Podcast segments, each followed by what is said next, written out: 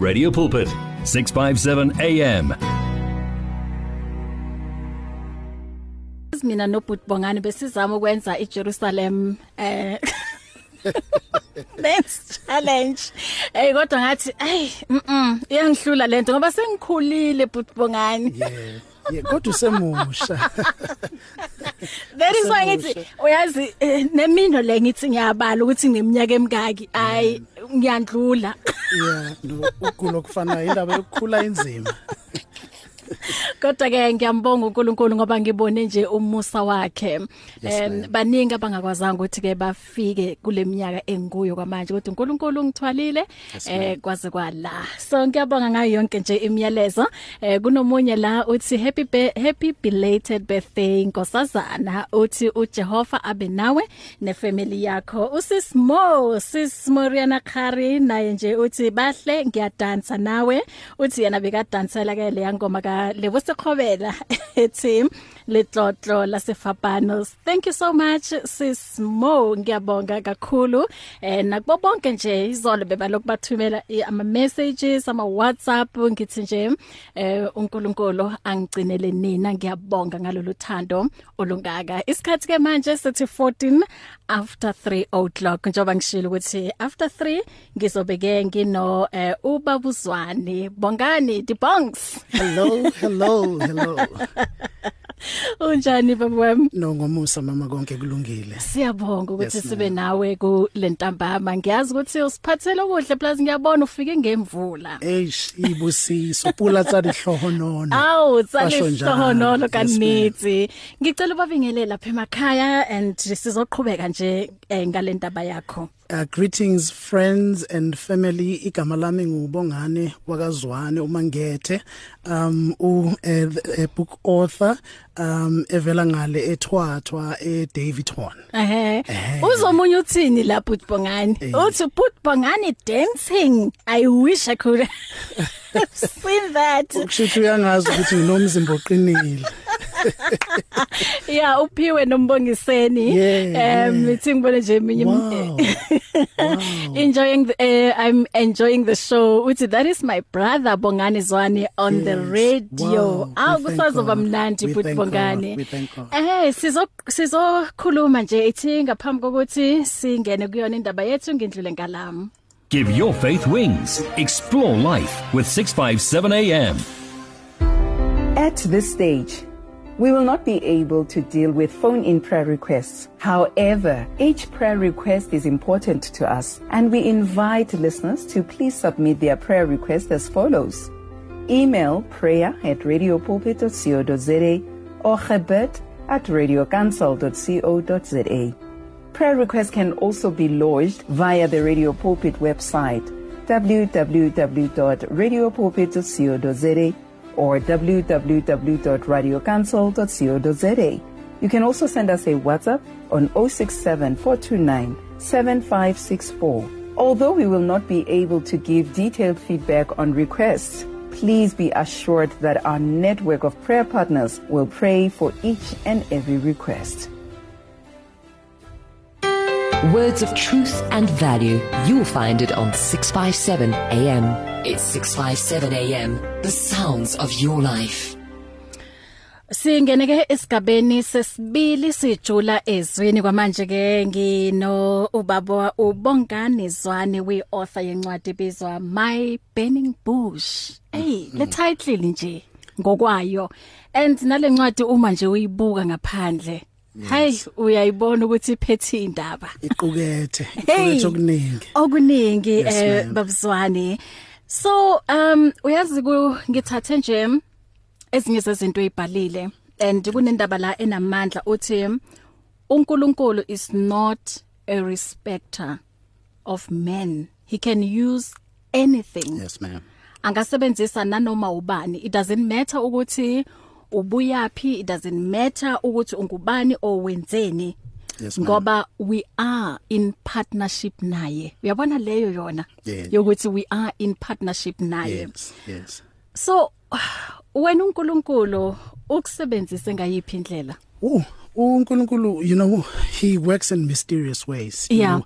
Um like you've said ukuthi uNkulunkulu ak- ak- he's not a respecter of men. Yeah. you know lapho uNkulunkulu can use anyone anything Mm. U- kushuthi uNkulunkulu for him to move emhlabeni Yeah. UNkulunkulu uthe makadala izulu nomhlaba makathatha umuntu ambeke emhlabeni Mhm. wathatha umhlaba wonke Yeah. wawubeka einyaweni zomuntu Mhm. wathi konke that has to do with umhlaba i have given it to you Mm. you know so we are in partner in, partner, in partnership noNkulunkulu ngalendlela lena ukuthi uNkulunkulu cannot move emhlabeni ngaphandle ngaphandle kokuthi a move through us Mhm. because thina emhlabeni sibekwe nguye Yep. and yena emhlabeni the only access he has um ukuthi angene kithi ebantwini Mhm. kithi abantu then thina abantu sithatha umlayezo wakhe siwumikise ebantwini yeah yes incwadi yakho yokuqala le this is my um it's it's my second book Okay. um eyokuqala engangibhalile ithi uh, under fire it talks about the marriage institution Yeah. uh, kodwa yona ke i did not print it uh, i was only you know moving it via um nge PDF Mhm. uh, but i'm still going to print because uh, uNkulunkulu bekathe kimi eh, eh, umlayezo ngutholile clear was to print in my burning bush. Yeah. you know so ngaqala ke ngokuprinta in my burning bush even though ke zikhona ezinye incwajana Yeah. engizibhalile. Yes. Okay. yes ma'am. Um u- u- u- uyewasho ukuthi u2019 yes. kwakuyinyaka of very difficult for wena. Yes. Sherelle you see uh, abantu abaningi u2020 has been u- unyaka obhlungu kakhulu. Mm.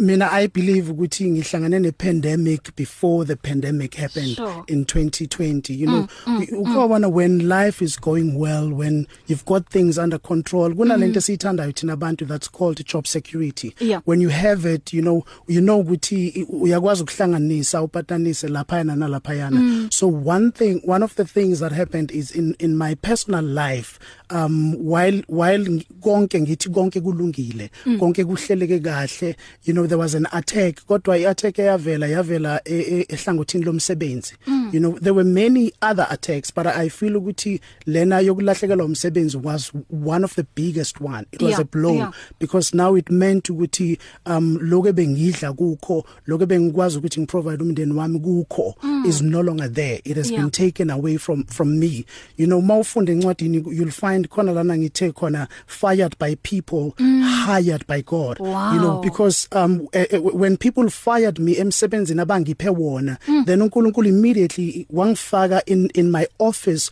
of work you know Mm. siyazi ukuthi sonke sibiziwe siyazi ukuthi sonke sibizelwe to to win souls to uNkulunkulu you know um i, i, i greatest commission ithi hambani nenza abantu abafundi bami Yeah. you know so w- first and foremost ikholwa nekholwa has been called to to um winning souls Mm, you mm, know? mm, so mm, so ke uh, ngibuyele endabeni yami ngoba ngivele ngijule. Uh, ngiyabuyela endabeni yami. So um ngalahlekelwa umsebenzi ke ngendlela i felt ukuthi it was it was unfair. Mm. um i felt ukuthi i had done my instructions i had done what needed to be done Mm. but uh ngat- kwa- kwathola ukuthi emsebenzini i think they were suspecting me ukuthi mhlambe khona ngikutshontshile khona ngikumoshile but after thorough investigation bathola ukuthi uh there was nothing missing Mm. there was nothing broken Mm. but uh kunokuthi ke bathi kimi cha ndoda yamadoda na umsebenzi wakho Siyaxolisa. Mhm. azange benze njalo in fact bathatha i-charge bayenza yaba inkulu bayibiza nges- nge- ngelimi lesilungu bathi gross insubordination Sure. you know and and i found myself asking uNkulunkulu ukuthi but god what is it that i do you know me Ngi- ngiyakuhlonipha ngiyahlonipha ama leaders wami you Mm, know but i mm, found mm. myself in a space where i had to make a conscious decision to say um angeke sikwazi ukuthi sihlukane ngendlela efanele lana rather ngi- ngithi kubona uthatheni umsebenzi wenu Mm. mina i'll believe uNkulunkulu for better Yeah. and my oh my uNkulunkulu had plans you know i remember when um I, i called my wife um how i got the the the, the um igama lencwadi my burning bush Mm. i was calling her ngikhuluma nje gibberish you know ngingazwakala ukuthi ngithini because i, i, there was a lot going on in my life Yeah. and my wife said to me uh, uh you know i think God is giving you your burning bush experience. Wow. You know, as she said that, I I I could hear ukuthi it's no longer my wife now that's talking, mm, but mm, it's God mm, talking. It's God saying to me, write a book Yeah. name it my burning bush you know Yeah. abantu abaningi mabalibona le gama they ask themselves Yeah. a lot of questions with how did it come it come about? It Yeah. was dropped in my spirit. It's not because ngihlakaniphile that I heard I heard it somewhere. It was just dropped in my spirit and I started writing. Mhm yes. And into engiyiqaphelile um eh, kule uma ngifunda incwadi yakho ukuthi um unkosikazi wakho she was supportive. Yes, ma'am. ngaso sonke isikhathi Yes, ma'am. ulahlekelwe umsebenzi she was there. Yes. and uh, u- wahlala 2 years yonke yes ma'am ungasebenzi yes so ubu important bokuthi ni- nis- niseke- nisekelane ningama partners Yes. I- ibuphi Ooh, the the last song you played uh e- ebeyiqokwe umlaleli lapha it said it all comes, Comes down to, to love. love, You know yes. u- u- love uh, conquers all. yeah U- uthando isipho uNkulunkulu asiphe sona it's a gift that never stops giving Yeah. you know so where there is love. Indlela ikhona. Mm. because uNkulunkulu iBhayibheli lithi ngokuba uNkulunkulu walithanda izwe kangaka waze wanikela ngendodana yakhe. But i- yonke lento isukele from love. So uma ngabe nithandana eh, as as couples Yeah. uma ngabe nithathe uthando lukaNkulunkulu kuko- kunomunye babo oyichaze kahle le- le le ndaba lena. Makakhuluma ngothando ukuthi when when we give love siphana ngobuNkulunkulu. Yeah. So when you have a a partner that loves you that supports you that supports your your vision kwesinsikhathi i- i- i- am- amaphupho uNkulunkulu asiphe wona more especially thina abantu es- ababizwa ngokuthi ama creatives amaphupho wethu ahlukile. Yebo. it's not those ones ezibeka abeka imali la manje. You know you, you sometimes call things ezingekho abantu bakubheke nabo bathi ayi cha na ubaba ngathi manje eh, he's losing it you know because you you beginning to see things or you calling things ezingekho. I, I I believe kakhulu ezweni likaNkuluNkulu. One of the things I said in the book I said uh, we are the architect uh, um, uh, by your words of of faith you Yeah. are the architect of the world you want to live in mm. you know so u- uma ngabe u- uphila e- e- ezwini lenkosi ujule uphila nomuntu o- o- o- othandana naye ni- nijulile ezwini lenkosi izwi Yeah. lenkosi liyakwazi kunakha I- iBhayibheli lithi eh, indlu eyakhiwe phezulu kodwala Yeah. a- ayiwi noma zifika izivunguvungu iziphepho you know so that's that's the story of our love ukuthi ngisho noma sekunzima noma seku sekuye shem uh, umntana abantu ovukayo every day ahamba yosebenza angishiye ekhaya. Uma ngishiye ekhaya ungishiya ngiyabhala. Uma ebuye ekhaya ubuya ngiyabhala you know but still wabekezela and believed ukuthi there is something that uNkulunkulu has put inside of me. Yeah. Yes. Uyazi eh Butbongani um kuningi obhekane nakho eh, owabhekana nako empilweni. And wambona uNkulunkulu akulwela. Eh from ukuthi ucharged with gross insubordination yes ma'am ngibiza kahle hey Yes. phela isilungu esikhulu Yes, yes. and uh, wahlala iminyaka ungasebenzi Yes. and uh, lapho uthola umsebenzi khona cabanga uphuma ku a top position Yes. and then uya ku uh, uyosebenza manje Yes. as a general worker yes yes kwakuphatha kanjani lokho All right, you you know u, u, I believe ukuthi we all start somewhere. yeah Kodwa noma ngabe ikuphi la siqala khona, uma siqala noNkulunkulu, mm. um we are at a better uh, position. Yeah. So ungaqala ningaqala nonke e- emgqweni ofanayo nabantu, mm. but when you start with God, you already far ahead. Even ngisho ugijima nabantu that are better than you. Yeah. You know so in in my case when when I started working as a sweeper I was working just as a mere sweeper you know from a white collar position mm. um and then I, I found myself working as a as a mere sweeper but what I did is whilst sweeping I was I'd be in worship. While mopping the floors I'd be in worship. You know it gets it gets tiring to to abantu bayamdelela umuntu ogcoka uniform Yeah. abantu when they see you ugcoka uniform they mm. think ukuthi you you, you are you, you, you amount to that. Yeah. what um lokho kwenzayo ngaleso sikhathi bese banga bang- bakuthathele phansi. Kodwa ke what i did is i found i found usizo olukhulu oluvela kuNkulunkulu. I- i'm a worshipper ngiumuntu omthandayo uNkulunkulu and uh, uh, uh, kakhulukazi ngingumhlabeleli. You know so what i did is w- w- working as as ngi- ngishanyela i'd be singing. Kube neculo engilishaya lapha ngibe ngihuba you know ungena endlini encane uyoklina indle encane kodwa uhuba. Yeah. knowing ukuthi yes I might be here now. Ngenxa ngenxa ye positioning engibekwe kuyo ng- ngabantu noma ngumhlaba. But there's a better place uNkulunkulu angimikisa kuyona. Yeah. you know that's what kept me going. Wow. Yes. And kunalenye testimony enamandla Yes. I- um angekho sure but I think benistakile somewhere. oh yes um Yeah. Be- besambe singama couples shem si sizama sithi siyo celebrate into yothando yabona Yeah. into yothando into ebalekile emphakathini so there's um there's a group of couples that we belonged um uh, to sasambe sasambe nabo then i- imoto yethu yase i kunebhande laphana e- elaphuka. E- emotweni so the engine stopped Elanqamuka. yes lanqamuka the engine stopped turning mm -hmm. you know uh, i remember uh, u- u- u- sathola mechanic emva kokuthi sesizulile sazula sasizwa umunye umama obizwa ngokuthi uthandi waka wakazikalala mm. you know emva kokuthi sesihambile i- ibanga elide sifunana namabhande e- e- e- es- kuma space shop because imoto yaphuka kuyi Sunday mm. and we couldn't find the part that was needed you know wase esitholela umechanic umechanic wafika wa- wasitholela ibhande kodwa ibhande was a bigger size than Yeah. the one required walifaka ibhande lokuqala yasta ngempela yastart imoto kodwa yahamba ibanga elincane ibhande gave in again mm. you know so we had to go back to to a garage lena sasipake kuyona um wa um wa- sabuyela sengihamba naye manje mechanic mm. nomfundisi usikabade sabuyela sayobheka kwamanye amabhande you know and we could not find the i can i can belt le e- ebeyidingekile wonke wa- were there exact size.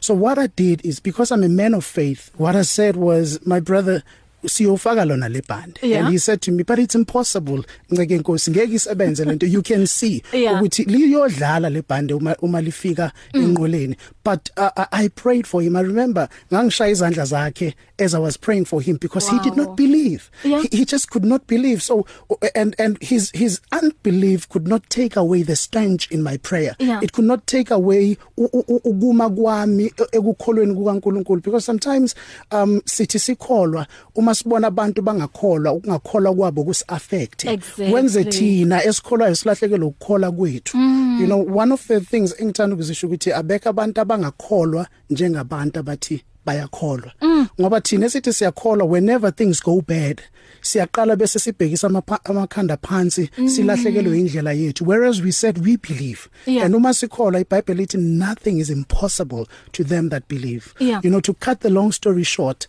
walifaka ibhande u- u- umalinga walifaka liloku li- lidlala linjalo we drove from um a a Van Drienen I think that place is called Van Drienen mm. we drove from there saze safika eGoli You know, I even called him. I said to him, "Ayike mntaka baba sesifikile." And he could not believe me. He Yeah, said, "It's ngoba beka impossible." ibona ukuthi lento cha Yes, ngeke yes, it was isebenze. impossible. But we because we stood in faith. Yeah. Yes. Mm. Yes, ma'am. Wow, powerful testimonies. Thank you. Aw- Awusixoxele futhi kancane ngale yendodakazi yakho okuwukuthi bakunqabele custody kuyona. Um okay so si sinomama we sinendodakazi e- endala you know mm, um mm. i firstborn kumama you know and um sa- kuye kwafika isikhathi you know ukuthi when when niqhubeka ngempilo Yeah. um when izimo zonke eh, zi- zi- zenzeka the way zenzeka ngakhona because mm. singabantu abakholwayo thina sasihlala nengane e- ekhaya sinomama mm. you know and sa, sa, samkhulisa uh, waze wafika up to a certain age you know but kukhona into eyenzakalayo ukuthi sometimes umuntu um i- iBhayibheli ikhuluma ngendodana yo- yolahleko ukuthi ngomunye unyaka he came back to his senses you know. So um kwenzeka ke ukuthi u- ubaba abuye athi eh ngiyayidinga ingane yami you know. And we had ukuthi si sinomama sivume sifike ku point where we allow ukuthi okay nayi ingane khona and we were willing we were willing uh, to say ukuthi okay bona ingane you know inkathi zibekiwe zokuthi ubona ingane nazi nazi nazi you can you can be free to see ingane but indaba yandlula from there mm. yafika lapho sekuthiwa khona cha ingane manje kumele iye ngale ngaphesheya mm. you know so it was it was it was a a, a very Painful. devastating Yeah. time in our lives because you know sometimes umthetho u- u- u- uba sehlangothini lakho um eh uma uma ungawudingi. Kodwa mawudinga uthola ukuthi cha abantu bomthetho bathi asikwazi. So i think one of the most painful thing was to find myself in a space where they do not recognize me as as the dad mm, you know as mm, the man mm. who raised her up as the man who loved her as a man who who nourished her. You know as a result she she she's she's a young beautiful lady that she is mm. because of how we raised her. iBhayibheli lithi khulisana abantwana ngendlela kuyoba yabo so that at the end of the day ngisho noma imvula zempilo sezifikile they'll be able to remember mm. leyo ndlela leyo you know. So we we found ourselves in a space where we had to let go. Where we had to to accept to say you know what if umthetho uthi ingane ayengale ngaphesheya we will we will mm. you know mm. we said mm. uma kuyintando yakho nkosi Wow. Um babuzwane uyazi ngiproud ngawe ngoba ababaningi abobaba okuwukuthi bangalwela um ingane mhlawumbe ongayizalanga kodwa wena wama eh wathi uzoyilwela lengane noma kuukuthi uye wahluleka kodwa uzamile lokho kuzamile so uyazi nje abobaba abaqotha abafana nawe bayadingakala emphakathini. Siyabonga ungomusa amen. Isikhathi ke manje sithi 15:33 eh sinobaba ubongani zwani lana we author yencwadi ethi my burning bush. Em ithike ngithatha umhlabelelo la Uma ke uthanda ukukhuluma naye incingo zivuliwe ku 0123341322 noma ku 0123338699 ungathumela ne voice note yomyalezo wakho ku 082 06572729 wow. um noma uthumele iSMS ku 37871 ngicela ukuthi ngindlule ngala qala bazalwane ngiyabona ukuthi ke incingo seziyangena eh uthi nje athi ukuphuza amanzi yeah yeah Our family is just getting bigger and bigger. Welcome to 657 AM. Many people across South Africa are being blessed and encouraged by the Radio Pulpit devotional magazine, The Word for Today. This publication places the gospel of Jesus Christ in the hands of more than 100,000 people every day, inspiring every person, from the professional businessman to the needy person who lives in the streets. Each edition contains daily scripture based devotionals and inspiring articles to help you grow spiritually. The booklet is given with the compliments of Radio Pulpit, but your donation, large or small, will help us to print the next edition and continue being the hope of the gospel to a world in desperate need. The word for today. Get yours today on 012 334 1200 or subscribe online at www.radiopulpit.co.za. Radio Pulpit, your daily companion. Babuzwane kule inhlopheko owandlula kuzona ngempela uye wama waqina eh wamthanda uNkulunkulu nanoma isimo sinjani azange uthi eh uNkulunkulu ungilahlelene yes man kodwa ke wamthanda with all your heart yes, with all your soul yes, with man. all your mind yes. with all your strength 1537 012 334 1322 um okay singizame ngala uh okay usehambile uzobuya futhi. Ithi sibuke la ama voice or ama um, ama WhatsApp messages. Um uthi lana uh, I wish everyone can listen to radio uh, radio pulpit inokuphila le radio. Wow sister bahle I'm growing spiritually uNkulunkulu. Anibusise njalo. Uh, uthi umunye uthi good day bongani is one blessed man to um uh, to have such um a, a supportive wife. Kuthiwa for every successful man there is a great woman behind him. He has been richly blessed. May their love continue to grow daily. Nami ke ngivumelana naye impela. Eh, omunye uthi you have such a big heart mangethe you have showed genuine love from Geli Tsotetsi That's my sister right there. Oh ithi ngibuyele futhi la kuma line so ngicela ungicishele radio. Sawubona sobuyeni Unjani sithi? Ngiyaphila wena unjani baba? Ngiyaculusa ngeradio ne? Yebo baba. Mhm. Eh igama lami uGiven Mokoena I happen to be umngane ka Mangethe Oh my god Yebo. Mhm Oh my god So yeah I'm really I'm very inspired by what my friend has achieved. Wow. Mm. and uh, and I, I can uh, be a testimony to everything that I show I believe with men I sibuya kude. Mm. so i'm so glad ukuthi finally all the things that besicala now we are starting starting to see ile isivuno sakhona. Yes yes. So to you my friend ngithi keep up what you're doing. Stay to wow. stay uNkulunkulu you know ukuthi eh sigathi bancane sihlala. Yes. But now what we see? We are men sesibadala. Yeah and then sinabantu ababheke kithi. Yes. So i say my friend ukuthi keep up the good work. God be with you. Be thank you blessed. very much little G. Thank you very much. Wow. Wow. Siyabonga, siyabonga baba. God bless you. Thanks bye Yeah, okay. Um zisavuliwe incingo until 4 o'clock 0123341322 noma ungashayela ku 0123338699. Usemoyeni sawubona? Wasazana, Gali mambo. sibonga kuyimfundisi izwami. amen Kimi ngumfundisi. Eh. Abo baba abafana naye ngabiza ufundisi, nabo mama labafana naye ngabiza befundisi. amen Imfundisi ngilenhliziyo leyo impela leyo sina kakhulu lapho thina bobaba. amen Eh manje ke nami ke ngabona kwabanye bobaba. yes Abo baba labo bafana nawo ukuthi bayenzela abanye abantwana kahle.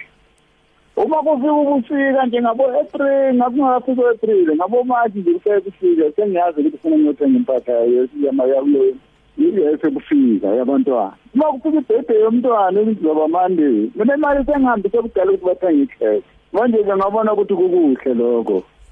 uNkulunkulu uyakubusisa manje. Kodwa ke uyolahlekelwa uqala uthi ngalahlekelwa ngalokhu nalokho nginalutho kanjena kanjena manje ke uma uNkulunkulu kona kufuna ukuthi eh inhliziyo lezi asiphe yona uNkulunkulu ukuthi siphile kanjalo. Uthando lolo. Yebo, aha. indeed uya uthando lolu uyabona uthando uthando lolu kaNkulunkulu lolu uma simukela uJesu nje uthando soka sesina siyalithola uthando lapha.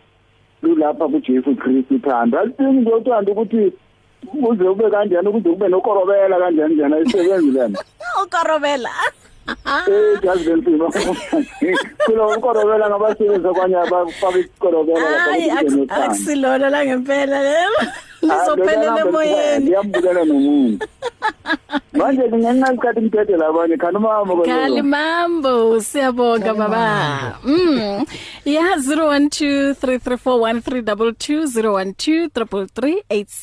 0123338699 my burning bush. Yes. Hey yeah ngempela and ukhulume kakhulu la ngo Moses. yes Yini esingayifunda kule ndoda ikakhulukazi kulempilo esiphila kuyona manje? You see uMose had a lot of burning issues. I impilo yakhe was was troubled. You know when um, uMose what he did is he struck a Hebrew uh, he struck uh, umuntu wasegibhithe. Yeah. umuntu wasegibhithe wafa. Mm. he ran away abalekela impilo yakhe. Um he went to go and start all over again. You know um was thola e- eselusa um umhlambi Yeah. wenye indoda. You know not umhlambi wakhe you know not imfuyo yakhe. And uNkulunkulu was taking him through that birth amfundisa important le leadership lessons Yeah. you know because he little did he know uMose ukuthi uNkulunkulu ha- had intentions of taking him to a place Yeah. lapha azokhipha isizwe sonke mm. Not abantu ababili not abantu abathathu but a whole nation ayikhiphe and lead it to a place where uNkulunkulu athi mikisa isizwe sami kuso. Yeah. you know and he had so many burning issues. He had so many things ebezingambamba from not operating in in his calling. You know so ngi- ngi- ngi- ngivele ngaboleka empilweni yakhe because i think a lot of us as amakholwa iBhayibheli lithi we are hard pressed nhlangothi zonke. Kunencwadi e- encwadini ya- amahubo chapter 34 verse 19 uthi ziningi izinhlupheko zolungileyo you know so u- u- u- uMose wasithola kuleyo ndawo leno a- a- anezinhlupheko eziningi you know u- ngisho noma sekawuthathile seka acceptile the call noma sekabile na the burning bush experience wathi i'll go ngiyobakhipha ke uNkulunkulu labantu othi ngiyobakhipha uNkulunkulu uqinisa inhliziyo kaFaro uNkulunkulu uqobo Yeah. you know hardened mm. his heart I- i- inhliziyo kaFaro ukuthi uFaro bangavumi ngabantwana bakaIsrael so how can God send me to set people free? Bese aphinde futhi avumele ukuthi kube nama barriers impilo yethu injalo every day because ziningi izinto esikholelwa uNkulunkulu kuzo kodwa mm. sizitholi because isikhatha sikakafiki. Uh, one of the things engiyisho lena deeper encwadini was ukuthi umkhuleko kaJesu the time azoya esiphambanweni uh, the prayer that he prayed in the mountain of, of Gethsemane did not remove the cross for him mm. you know he said Nkosi lesisitsha uma kuyintando yakho masindlule but it did not re remove the cross for him yeah. but it revealed the cross for us yebo. Because mm. in him um in him uma ngabe uJesu azange esiphambanweni mm. bese ngeke siubone lo muso ongaka nothando lungaka likaNkuluNkulu uNkulunkulu wamvumela ukuthi aye esiphambanweni yeah. ukuze thina sithola ukusindiswa ngenxa yomsebenzi wesiphambano. Amen. Yes ma'am. 0123341322 uyazi uNkulunkulu sesenomusa bona usinikeze another 15 minutes. Wow. Ukuthi ke banga beqhubeka nje baxoxe nawe ungathumela ke ne WhatsApp ku 0826572729 noma kwi voice note nalapho ke kusalungile unga SMS na ku 37871 noma uye epageini lika Bahle Nhlapo eh noma lika konje ku Facebook ubani? Uh, ubongani Zwane the author ku okay, Facebook yeah. bese ku Instagram ubongani the author. Mhm mm and then bese na ku um uh, Twitter. I'm also Bongani the author. Mhm yes ma'am. Okay kune message lana to Bongani. We thank God for a powerful testimony with a lot of women running away when a man loses um, their job. We have to note that your wife is the greatest gift to ever Indeed. enter your life your Indeed. wife is an inspiration to Indeed. many and I can't uh, hear from how you speak of her that she's truly your everything she's Yeah. your pillar she's Yeah. your strength and your life God has really uh, blessed you and I pray that he blessed your writing even more your book will be Uh, your book will indeed touch and change many lives. Wow. Keep writing, uh, uh, fellow author. yeah amen amen Um I I just want to congratulate brother Mangete for responding to the call of writing this book. He is truly um a blessing. Regards uh, Noni White. Yeah. Wow. wow 0123341322 zisavuliwe incingo khuluma nathi ke lapho eh, noma ke ukhulume no baba uMankethe bongani Yeah. hlongwani oh bongani Uzwane. swani Uzwane Mangete. the author how Yes, ma'am. sekaphuma manje uya prophet miss prophet yeah 0123338699 uh, upastor Mondli Dlamini uthi powerful testimony brother Bongani. Wow. I am edified. You, wow. Thank eh siyabonga mfundisi kungasekudala sizobe sinaye. Uyoba la uzobe ekhona. Ya naye esibusisa um eh eh, baba Mangete. Yes ma'am. Kubaleka kangakanani ukuthi useve under indoda kaNkuluNkulu um okuwukuthi eyeqiniso angithi siyazi ukuthi kule insuku bakhona laba abanye okungama fly by night. So kubaleka kangakanani to serve under um, indoda kaNkuluNkulu? You know sonke uNkulunkulu makasibiza usibiza asiplante he plants uh, emabandleni um ngokuya kokukhetha kwakhe.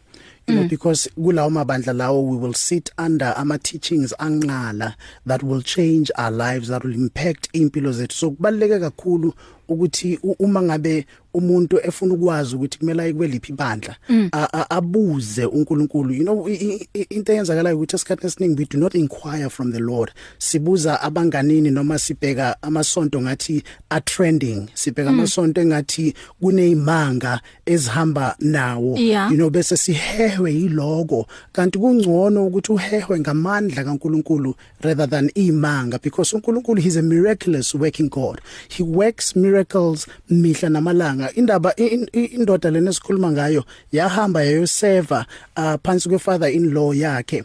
Um wafika wabu, wa, wa, wa, wahola umhlambi wakhe noma welusa mm. umhlambi wakhe you know kubalekile ke ukuthi uNkulunkulu akufake endaweni where you will serve where kuzoba khona nomuntu ozothi uma ngabe usuphaphalaza aphinda buya athi hayi cha usuyayilahla manje Yeah. endodana mm. buya nganeno you know because that's we get it training yethu uh, phansi kwabafundisi uNkulunkulu asibeke kubona kwesinsikhathi esikhathini esiningi we actually are ngenxa yokuthi bona bama ngenxa yokuthi bona they took the call uh, and the, ba, ba, bandlula through a lot of pain ukuze bakwazi ukuthi ba, bathathe um- umlayezo ba, download imilayezo kuNkulunkulu bayifikise kithina Yeah. Yes. Mm, mm, mm.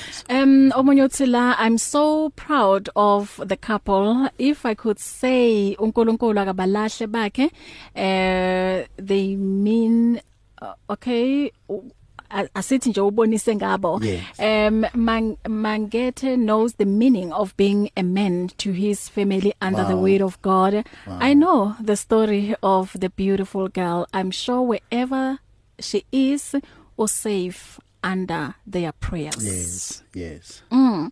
yes bamangethe kukhona engikushile mhlawumbe ongathanda ukuthi um, ukundlulisa lapha ya noma ungathanda ukuthi ukushare yes. Kunomunye ubaba engimthandayo ke wakhuluma amanye amagama anzima. Uthi um uma uma ustranded udinga uNkulunkulu mm, mm. uma usendaweni nabantu yeah. God will use people. Yeah. Uma usendaweni uma usegwadule in a place where there's no people mm. uNkulunkulu will use angels. Yeah. I had a very powerful um sermon on my way here of a man who said ukuthi uNkulunkulu yisimanga ngokuthi uma e- ephendula imikhuleko akaphendula imikhuleko eh, eh, yabantu by ukuthi abanikeze answers to their prayers. Yeah. but what he does is uthatha izimpendulo zabantu azifake ebantwini. Wow. You know so which I found so amazing. I'm I'm I'm currently writing enye incwadi um ethi um the forgottens. You know because I've seen ukuthi empilweni yethu singabantu sicabanga ukuthi uNkulunkulu sikhohliwe ngenxa yokuthi uh, impendulo esizilindele zithatha isikhathi eside Yeah. ngenxa yokuthi lokho kade sikukhulekela sibona ngathi akuveli kithi Yebo. kunempilo engidlayo kakhulu eBhayibhelini impilo kaJosepha mm. uJosepha interprets the dream of the cupbearer the cupbearer um uyahamba uy- impilo yakhe yasinda uyachubeka ngempilo yakhe he forgets about uJosepha Yeah. em eh, kodwa ke ngaleso sikhathi lesekhohliwe ngoJosepha uJosepha mm. continued interpreting dreams continued ejele lakhe being the person that he was mm. because in- inkinga yenzakalayo ukuthi lapho sikhohliwe lapho sicabanga ukuthi sikhohliwe um siyasuka sishiye indawo yethu Mm. kunenye into engike ngayibona bathi do what waiters do uma ulindele uNkulunkulu serve Yeah. you know uma ngabe singasave uma ngabe sibona ngathi uNkulunkulu asimboni esiphendula mm. once we sishiya indawo yethu then ngisho noma answers to our prayers zibuya si- ziyosithola thina sesingasekho. You know so indaba ebalekile isekutheni sihlale sizinze. Into engenza ukuthi ngibhalele incwadi into engenza ukuthi um eh, for me to pour out my, my heart to mm. the world and say this is what I've gone through it's because ngiyazi ukuthi khona umunye umuntu eh, oh who's gone through the same thing or even worse khona olahlekelwe ngendlela ebhlungu khona rejected ngendlela ebhlungu but uNkulunkulu has not forgotten about Wow. you my friend wherever you are uma ucabanga ukuthi abantu sebakukhohliwe uma ucabanga ukuthi uma uzwa ukuthi yes i am rejected mm. yes i am dejected but know ukuthi God himself has not forgotten about you and even if nemikhuleko lena ucabanga ukuthi there are unanswered prayers mm. those prayers those unanswered prayers according to you they are still answered prayers because kwesinye isikhathi izinto esizicelayo siyikhalela kuNkulunkulu izinto ezizosilimaza because we're not yet Yebo. ready mm. for them you know mm. yes ma'am kuyiqiniso um isikhathi sami sitheni um sithi 7 before uh, 4 o'clock uma ke mhlambe usasekhona uthanda ukukhuluma naye eh ubabuzwani ngicela ukukunikeza lo 2 minutes um ungashaya ke ku 0123341322 noma ku 0123338699 ungathumela ne voice note yakho ku 0826572729 ngicela ke ukuthi sendlule ngala Radio Buzzing of Life, 657 AM. It's more than radio, it's a way of life. It is 657 AM. Become active. Active in faith, 657 AM. Eh sino baba ubongane Zwane lana uyabhala unencwadi ethi my burning bush. Eh mangethe. Yes ma'am. Asivale ke indaba yethu. Um asiqale ngokukhuluma ngecouple okuwukuthi sometimes ungathi uma eh baku in a relationship or basemshwa basemshadweni ngathi baya compete uyazi kukhona nje lokugula eh emishadweni noma kuma relationship. Ungathini ku kuleyo couple? Uh uNkulunkulu unikeza uAdam ngelinlanga eh i soulmate yakhe. Umnikeza a helpmate. Yeah. You know uNkulunkulu abantu asipha bona. Eh ba bayasisiza um ngandlela thizeni. Yeah. You know so um emshadweni akuqhudelwana. Yeah. We're not competing against each other but we complete each other. We complement each other. Yeah. cause kunezinto that uh, my wife understands them better than I do. You know kunezinto a stronger kuzo mina engekho strong kuzo. You know uh, uh, iBhayibheli ithi abantu ababili ngeke bahambe indlela noma bahambe ibanga elide bangavumelananga yeah. you know so when when uno unomyeni noma unonkosikazi onobizo phezulu kwempilo yakhe mvumele to operate in their calling yes. because their calling will set umndeni wenu nekhaya lenu free it will mm. put you it will take impilo yena iput on the map yeah. you see if if if if unkosikazi wami did not um uh, support me epushen lami we wouldn't be here today mm. you wouldn't know about a, a burning bush experience because it wouldn't exist you yeah. know ngenxa ukuthi ngabe mhlambe ngayilahla so ukukhuthaza abantu abathanda nayo is umuntu onayo empilweni yakho um uh, uyi helpmate akasiyona i swordmate yakho. Mm. uma ninobabili akusi umsebenzi wenu ukuthi nilwe niqhudelane nibhekelane phansi. Kodwa bambanani uNkulunkulu will strengthen you. Mhm yes. Um lencwadi boyibhalela bobani oh everyone and anyone yeah. who has gone through something who is going through something you know um after after kwenzeka the pandemic after kufika lesi sifo lesi yeah. se, se COVID-19 you know i then said oh nkosi yami hey angibhalanga mina ngeCovid-19 bengibhale ngama life experiences you know yeah. do you think incwadi will still be relevant mm. you know and uNkulunkulu said take it out. You know yeah. one of the one of the greatest reviews engike ngazithola um ngabantu abafundele incwadi there's a lady who said i bought this book thinking which i'm supporting nje umuntu wakithi you know um and and i found incwadi ishintsha iguqula impilo yami. So the book is for everyone and anyone going through something but othemba lakhe lingunkulunkulu. iBhayibheli lithi liyini themba lomuntu ongena Jesu? Lapho kufika khona isikhathi esinzima nesibhlungu so le ncwadi ngibhalele bonke abantu othemba labo linguJehova. Ene and la ekugcineni um uyabala la izinto ezibalekile ukuthi prayer yes.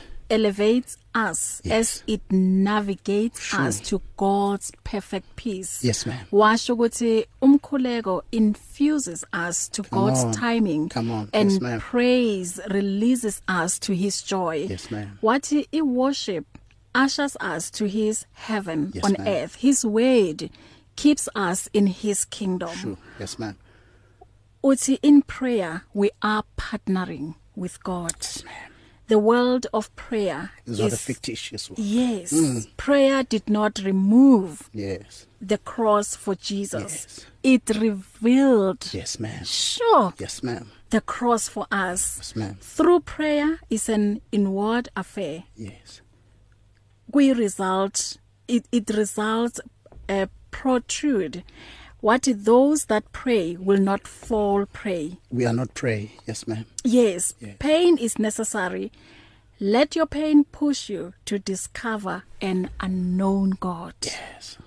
As uh, as kings in Christ, our words carry so much power. Speak God Yes. over yourself Yes, and see them come to pass. Manifest. Yes ma'am. Sure. Inamandla um Thank you. babuzwani Thank you. lendaba. Bakuthola kuphi mhlambe nabangathanda ukuthi baxhumane nawe okay ithi ke silalele naye i voice note ngaphambi kokuthi ngidedele Yes ma'am. Sisibahle sanibonani ngiyanibingelela ngegama lika Jesu. Hey ngiyabonga ngiyayibonga lethuba Ah mamzwane ngiyalibonga lethuba sisibahle. Hey. Angeke ukholwe kodwa ngomuso uzokholwa. Last week Friday ngahanjela umama and bengihlala naye ngibonde naye and ngaba buhlungu ngendlela emangalisayo. Enhle kungadabuka sisibahle kwaba buhlungu mamzwane kakhulu hayi kancane and ngabona uNkulunkulu emuhle khona lapho. Ngathi nje angeke ngilinde isikhathi ngathi ngamngcoba the following day kube kuya ngami kodwa ngoba kuyingami kunesikhathi konke. Kwathi Wednesday last week leya Wednesday ya last week ngangcwaba umama.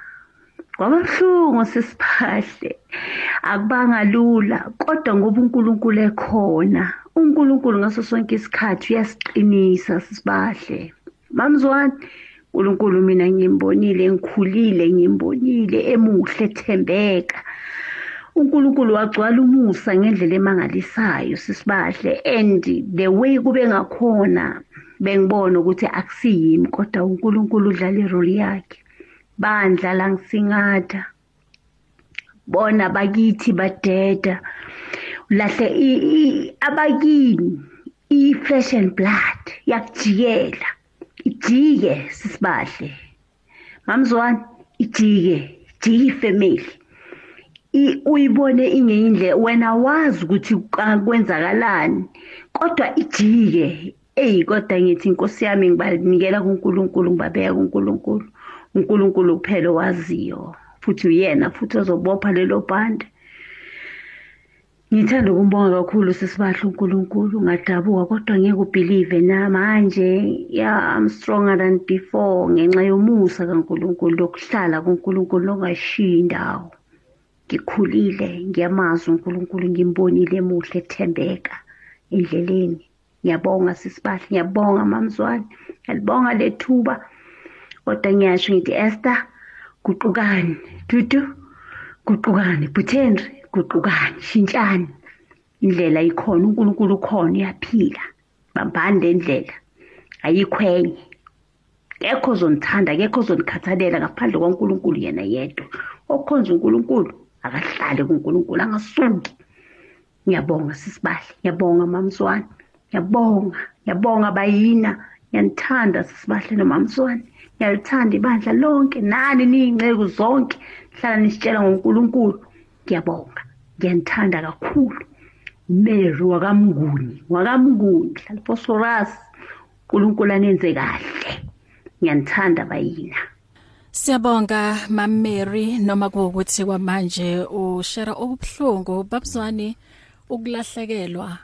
Ey kunzima. Ungathini kumamnguni induduzo yethu ivela kuNkulunkulu. Yeah. You know kwesinye isikhathi abantu bayakhuluma eh, ngobhlungu kodwa ubhlungu babe bangakwazi ngoba Yeah. ubhlungu bomuntu cannot be compared to anything. Yeah. you know so ngithi umama aqhubeka ahlala ethendeni ethembeni okuhle kakhulu is you can hear ukuthi ungumama okholwayo. Yebo you know ziningi ngempela ziningi inkinga zomuntu okholwayo. Yebo. kodwa uNkulunkulu uyasiphumelelisa kuzo zonke Amen. Yes, ma'am. Amen.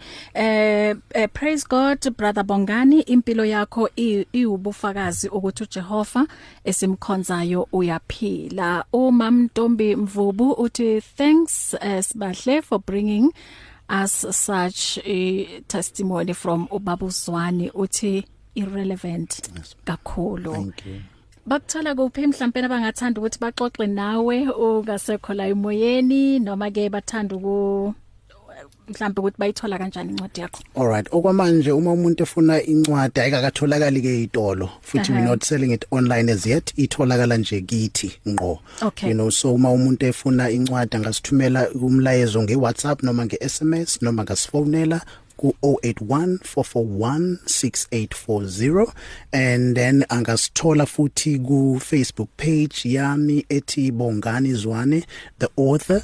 Um uma ngabe esebenzisa uInstagram angangithola na ku Insta it's Bongani the author. Na ku Twitter it's Bongani the author.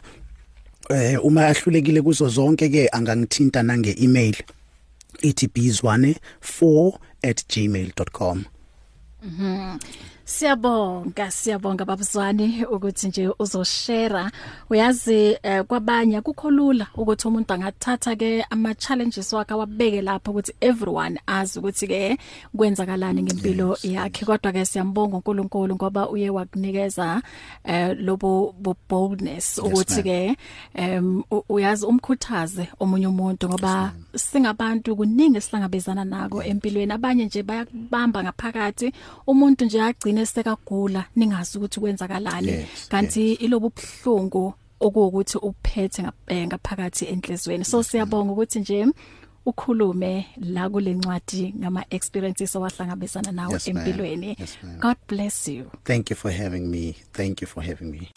Hear the word and renew your life on 657 AM